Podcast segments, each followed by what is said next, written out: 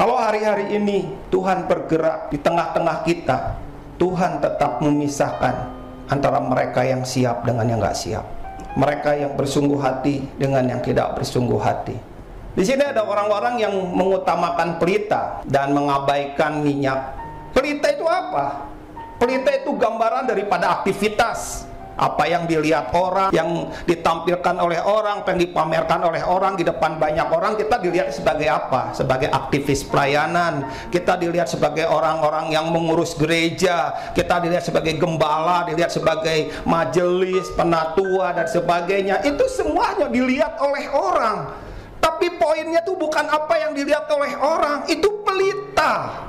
Yang Tuhan mau adalah sisi di mana kita mengisi pelita itu. Poin di mana pelita itu tanpa minyak gak berguna.